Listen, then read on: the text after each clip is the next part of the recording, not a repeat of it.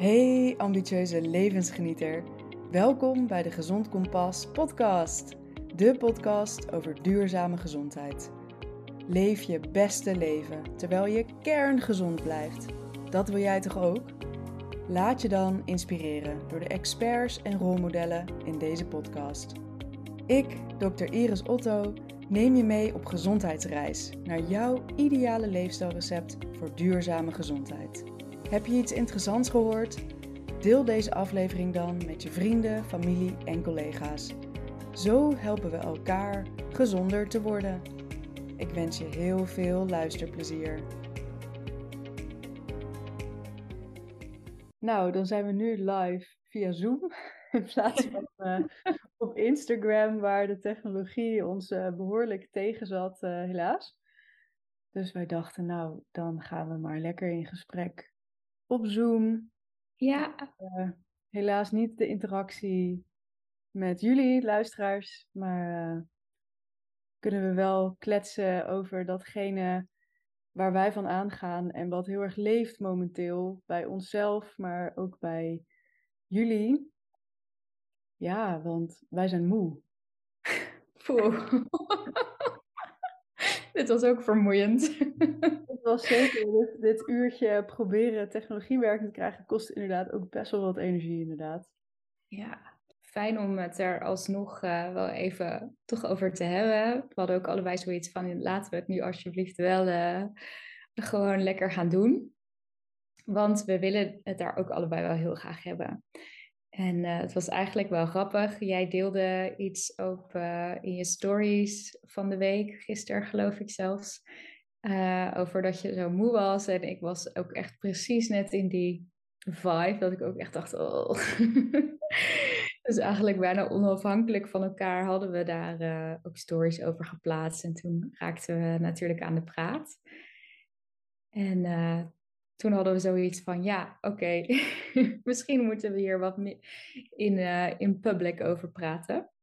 Ja, precies, want het leeft wel. Als in, het is niet alleen dat jij en ik moe zijn, maar ik merk nu ook op mijn spreekuur veel meer mensen die, die komen en zeggen van, ik ben echt zo moe. En vermoeidheid is natuurlijk een heel breed onderwerp. Het is echt een, een onderwerp met heel veel oorzaken, heel veel verschillende oorzaken. Maar het is wel een belangrijk onderwerp, want het wordt vaak een beetje zo onder de mat geschoven. Oh, ik ben een beetje moe, moet gewoon even een beetje doorpakken. Mm-hmm. Maar ja. daar heb je natuurlijk wel ideeën over. Ja, absoluut. Ja, en waar wij allebei gisteren een beetje om moesten lachen, was dat... Um, hè, nou ja, wij weten inderdaad allebei best wel veel van vermoeidheid en je stresssysteem en et cetera. En dat we eigenlijk ook best wel goed weten wat dan goed voor ons is en wat dan gezond gedrag is. Maar dat als je soms in zo'n bui zit, dat je denkt, ik voel me niet zo uh, fit en energiek en ik heb niet zoveel zin in dingen. Dat ook al weet je dan wat heel goed voor je is, dat dat soms ook heel moeilijk is om te doen. En dat je dat ik zelf in ieder geval dan soms ook wel weer verval in, uh, in, in ja, jezelf saboteren en eigenlijk niet helpend gedrag uh, doen. Ja, hoe is dat bij jou? Ja, precies. Nou, dat herken ik enorm. En grappig genoeg is het ook juist op de momenten dat je moe bent, dat het dan niet lukt.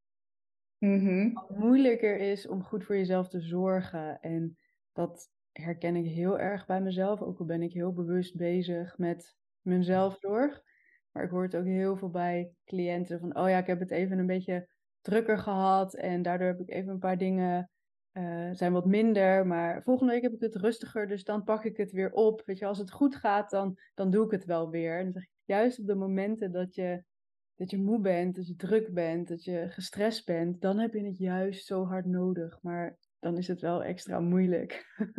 ja, ja, ja, absoluut. En uh, dat, dat merk ik ook met, met mijn cliënten, die ik ook veel zie uh, tijdens de ergotherapie-sessies. En dat het, dat het ook echt wel een, een ding is van het, het eigen maken op het moment dat je eigenlijk juist goed in je energie zit. Ja. Dan is het al iets makkelijker om het toe te passen op het moment dat het ietsje minder goed gaat. Ehm, maar ja, ik zelf betrap me er dus ook wel eens op dat ik dan echt denk, want hè, dit, dit soort routines, voor, goed voor jezelf zorgen, die zit ook echt wel in mijn systeem. Oh, maar gisteren had ik ook echt zo'n dag dat, echt, dat ik echt nergens zin in had. En dat je dan al een paar dagen merkt van, oh, ik zet toch eerder Netflix aan dan dat ik een yoga nidraatje ga doen. Terwijl ik weet dat ik daar alleen maar moeier van word.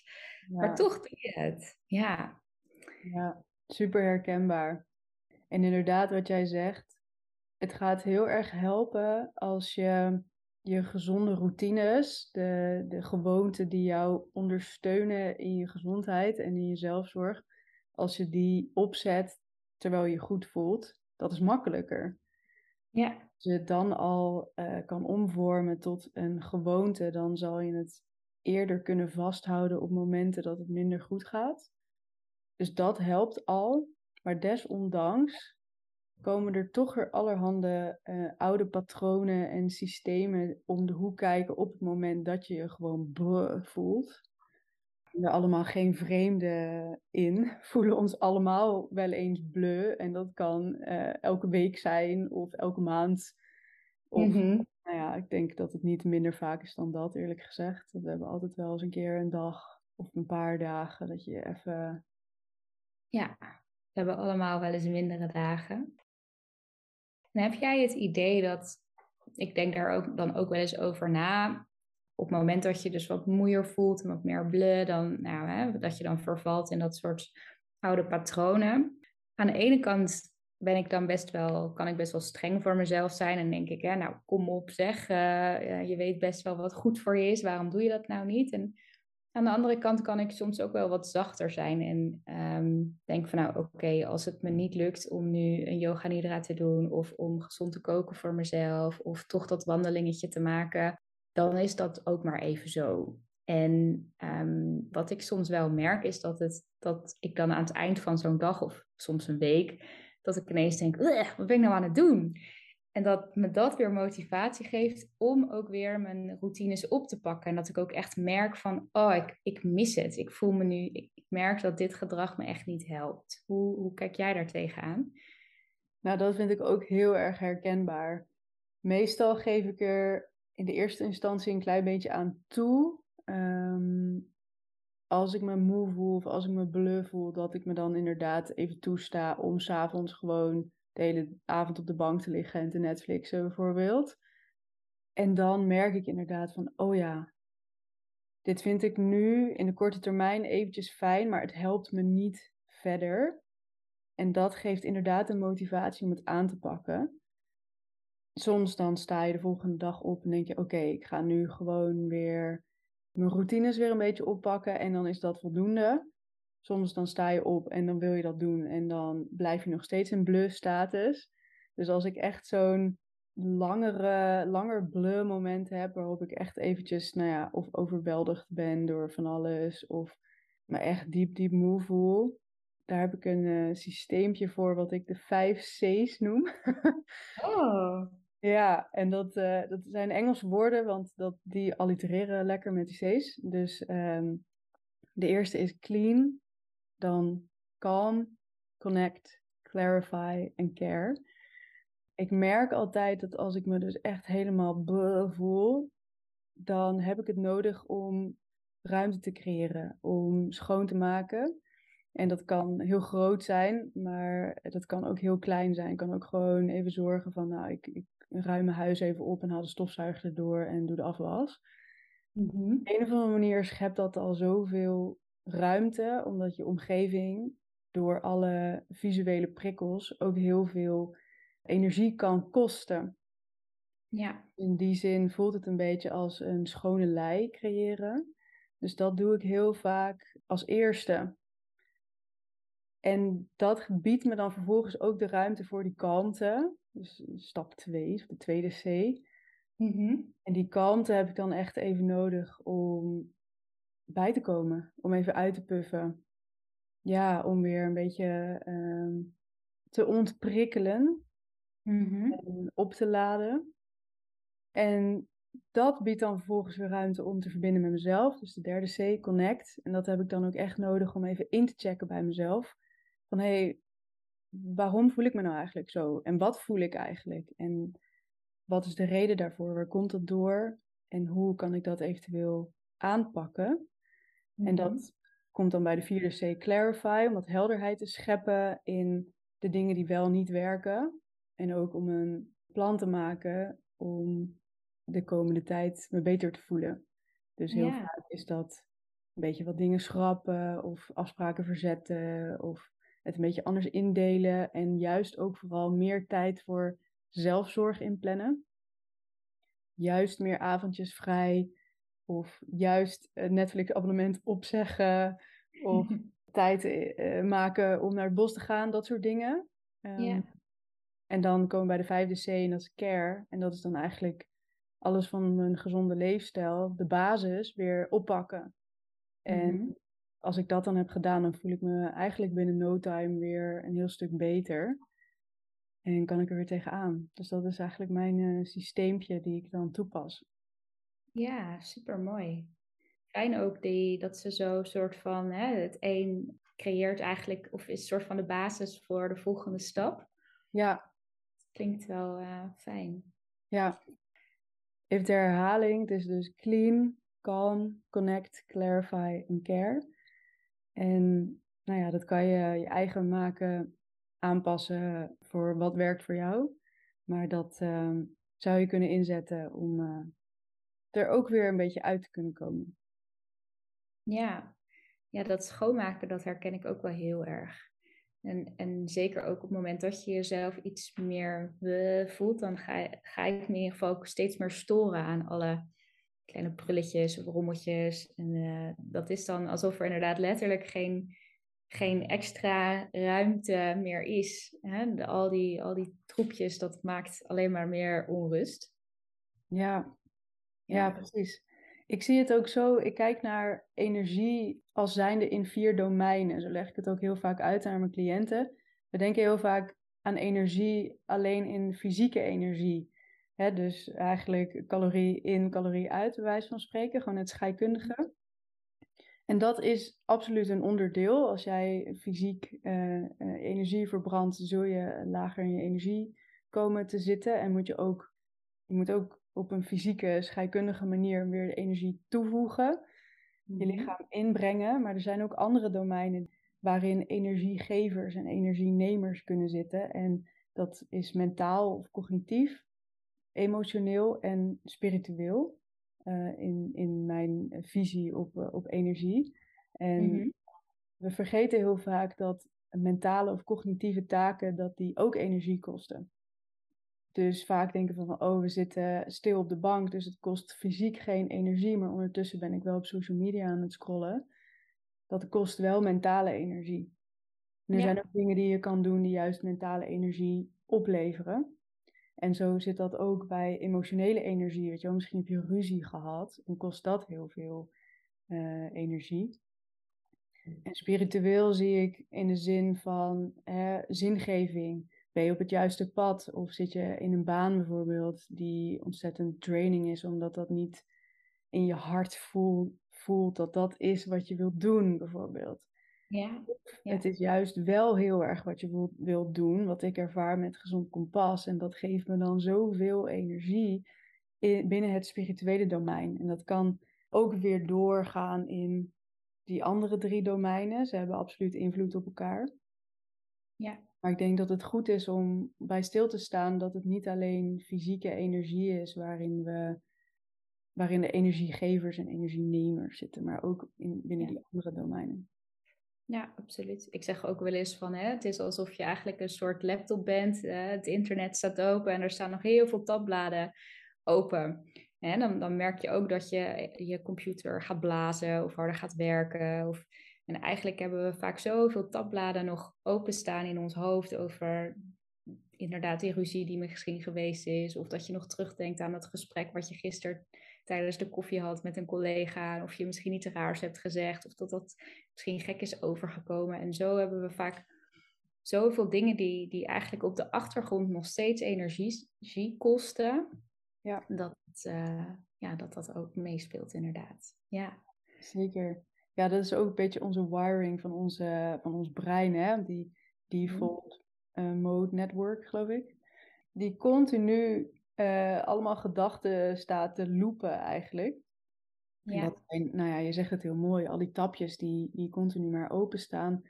En dat zal je ook merken dat je dan op een gegeven moment mentaal gewoon heel weinig ruimte hebt. En dat resulteert in een, in een korter lontje bijvoorbeeld. Omdat je denkt van, oh, ik kan het er gewoon echt even niet bij hebben. En dat gaat heel veel onbewust. En zo gaan mhm. heel veel dingen die ons energie kosten, gaan onbewust. Dus dat is natuurlijk ook een van de redenen waarom we daar nu vandaag over wilden praten. Om daar juist wat bewustzijn voor te creëren. Waar die vermoeidheid nou vandaan zou kunnen komen.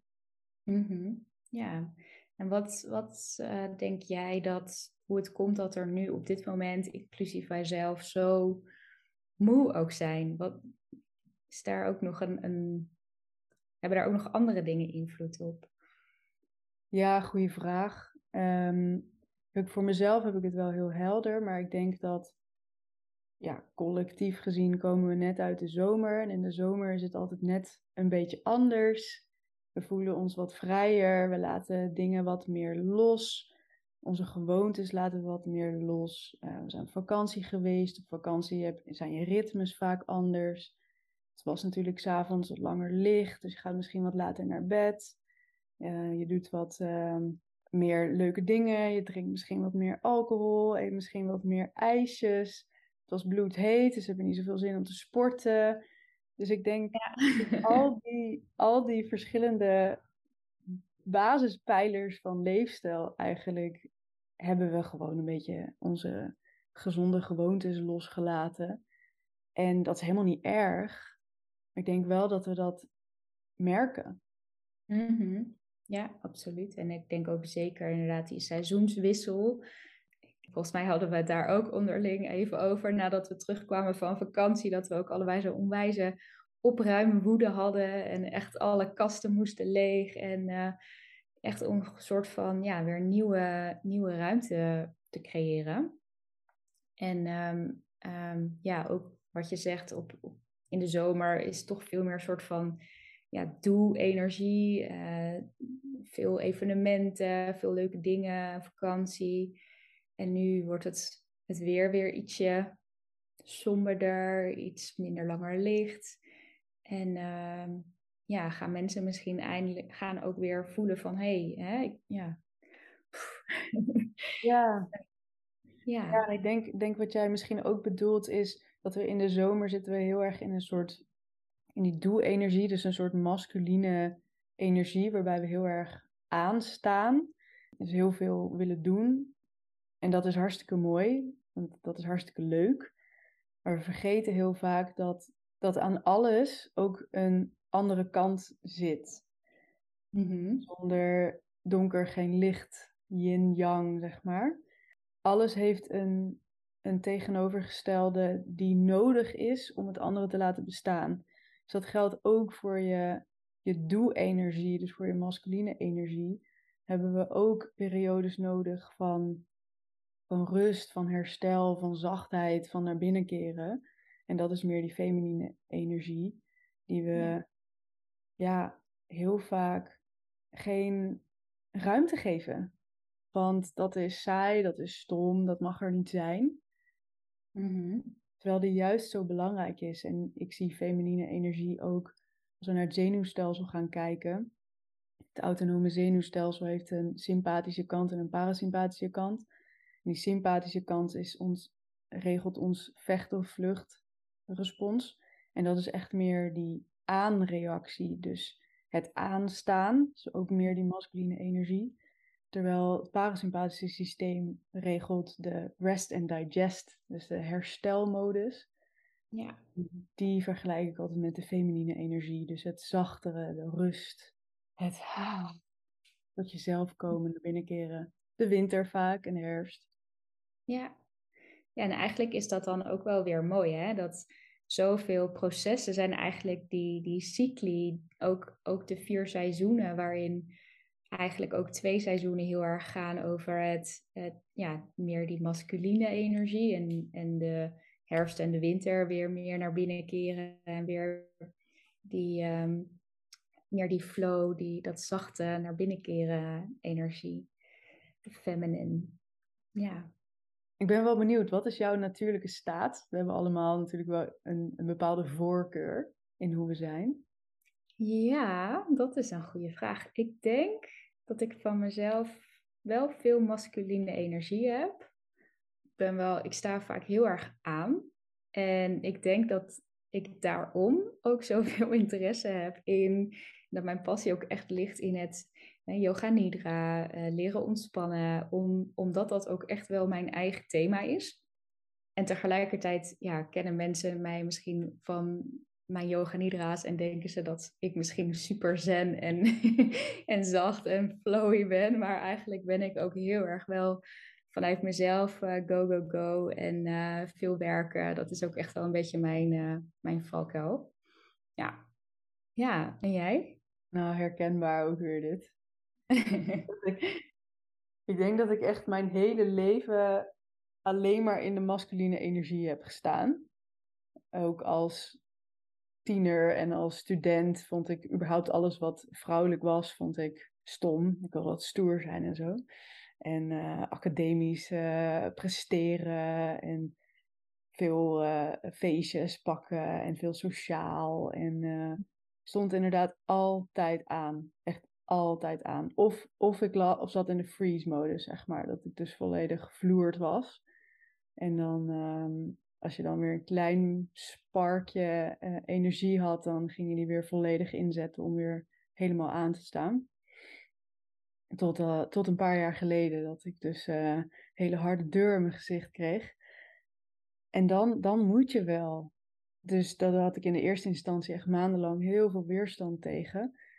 Maar je leert dan wat het zachte, dus wat eigenlijk die feminine energie in het parasympathische zenuwstelsel, wat dat je op kan leveren. Nou, toen ben ik inderdaad ook in aanraking gekomen met uh, yoga nidra en met meditatie en met restorative yoga. En nou, dat was echt, ging echt een wereld voor me open. Wauw. Ja, ja. ja. En ik heb het nog steeds hoor, nog steeds heel erg in de, in de masculine energie en wat jij ook zegt, dat is mijn valkuil. En dat is ook waar ik momenteel in zit. Dat ik met, dat ik met name die masculine energie heel erg de overhand laat, uh, laat voeren. Het is ook een beetje verslavend of zo. Heel veel aan het werk en stappen zetten. En je wilt ook ergens naartoe. En ik ben natuurlijk een paar maanden geleden heb ik mijn baan opgezegd en ben helemaal volledig met gezond kompas bezig. Dus er zijn ook stemmetjes in je hoofd die zeggen van, nou, maar je moet nu toch wel echt het waarmaken. Je moet nu een aanbod creëren. Je moet nu, het kan nu geen leuk side project meer zijn. Dit is nu voor het echi. Ja. Zorg er ook wel voor, die stemmetjes in je hoofd, dat je dan dus heel erg aan gaat staan en in die masculine energie gaat zitten. En bij mij in ieder geval dat ik dan niet mezelf de ruimte gun voor mijn zelfzorg. En dat ik merk dat aan me dat ik zelfzorg nu zie als een moedje. Zo van, oh ja, ik heb nou eenmaal in mijn ochtendroutine dat ik yoga doe. Want dat heb ik op een gegeven moment een keer gemerkt dat ik dat super fijn vind. En als ik het niet doe, dan voel ik mijn hele dag niet echt lekker. Dus ik Mhm. doe het maar, maar ik heb eigenlijk geen zin. En dan doe ik het een beetje zo halfslachtig. Want het liefst wil ik aan het werk, weet je wel? Ja, ja. Herken je dat? Ja, dat herken ik ook wel. Ook wel wat cliënten, waar cliënten soms mee aankomen, is. Kijk, jij hebt dit natuurlijk wel ook, ook door ervaring ondervonden. Dat je weet dat uiteindelijk die yoga je wel ook wat oplevert. En wat ik zelf eerder ook wel heb gehad, en nu is dat wel iets minder, maar dat ik eigenlijk een hele to-do-lijst had die ik 's ochtends moest afwerken aan zelfzorgpunten. Ja. En dat ik dan eigenlijk moe was van mijn eigen ochtendroutine. En eh, ik heb ook wel eens cliënten die zeggen dan ook, ja, eh, die zijn dan ook echt wel aan het herstellen van, hè, of, of post of long covid, of eh, nou ja, dat soort, eh, men, waardoor mensen ook echt even wat minder in hun vel zitten en in hun energie. En dan zegt ze, ja, ik snap nog steeds niet waarom ik me niet beter voel. Want ik begin mijn eh, dag met een Wim Hof ademhaling, dan ga ik koud dan eh, maak ik ontbijt, dan ga ik nog een half uur wandelen, dan ga ik nog mediteren, dan ga ik nog schrijven, dan ga ik nog lezen, dan ga ik nog tekenen. Dan ga, nou, en dan vraag ik ook vaak aan ze van, en wat levert je dat dan op? En dan zegt ze, ja, nou, niks. Ik vind het eigenlijk ook helemaal niet leuk en ik ben blij als het erop zit. Ehm, maar dan heb ik in ieder geval wel die goede punten afgewerkt. En daarom denk ik ook dat het heel goed is om vooral te gaan ervaren van, ja, wat levert elk punt afhankelijk je nou op? Hè? We zijn allemaal zo verschillend en we, we werken allemaal zo anders. En ik merk wel dat ik soms mezelf ook echt wel een kleine schop onder mijn kont mag geven wat betreft ochtendroutine. En dat ik soms ook echt wel even mag doorzetten om iets eigen te maken.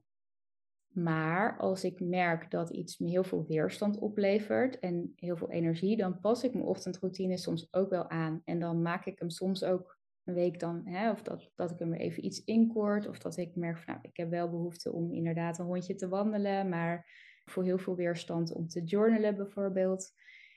Vaak waar de grootste weerstand zit, daar zit ook wel weer de meeste aandacht. maar het is soms ook wel even goed om te kijken van hè, wat, wat dient je en wat is op dit moment je, je verdere doel. En als dat op dat moment bijvoorbeeld, ja, beter, je weer wat lekkerder voelen of beter in je energie komen. Of, hè, en, en jij hebt zoveel weerstand en, en emotie en gevoel rondom dat journalen. Dan is het misschien ook oké om het heel even te, los te laten en het weer op te pakken op het moment dat je daar weer wat bij voelt. Zo ga ik er zelf in ieder geval uh, ook wel mee om. Ja, ik denk dat dat een heel mooi punt is. Er zijn heel veel dingen die je kan doen of die worden aanbevolen om te doen qua zelfzorg.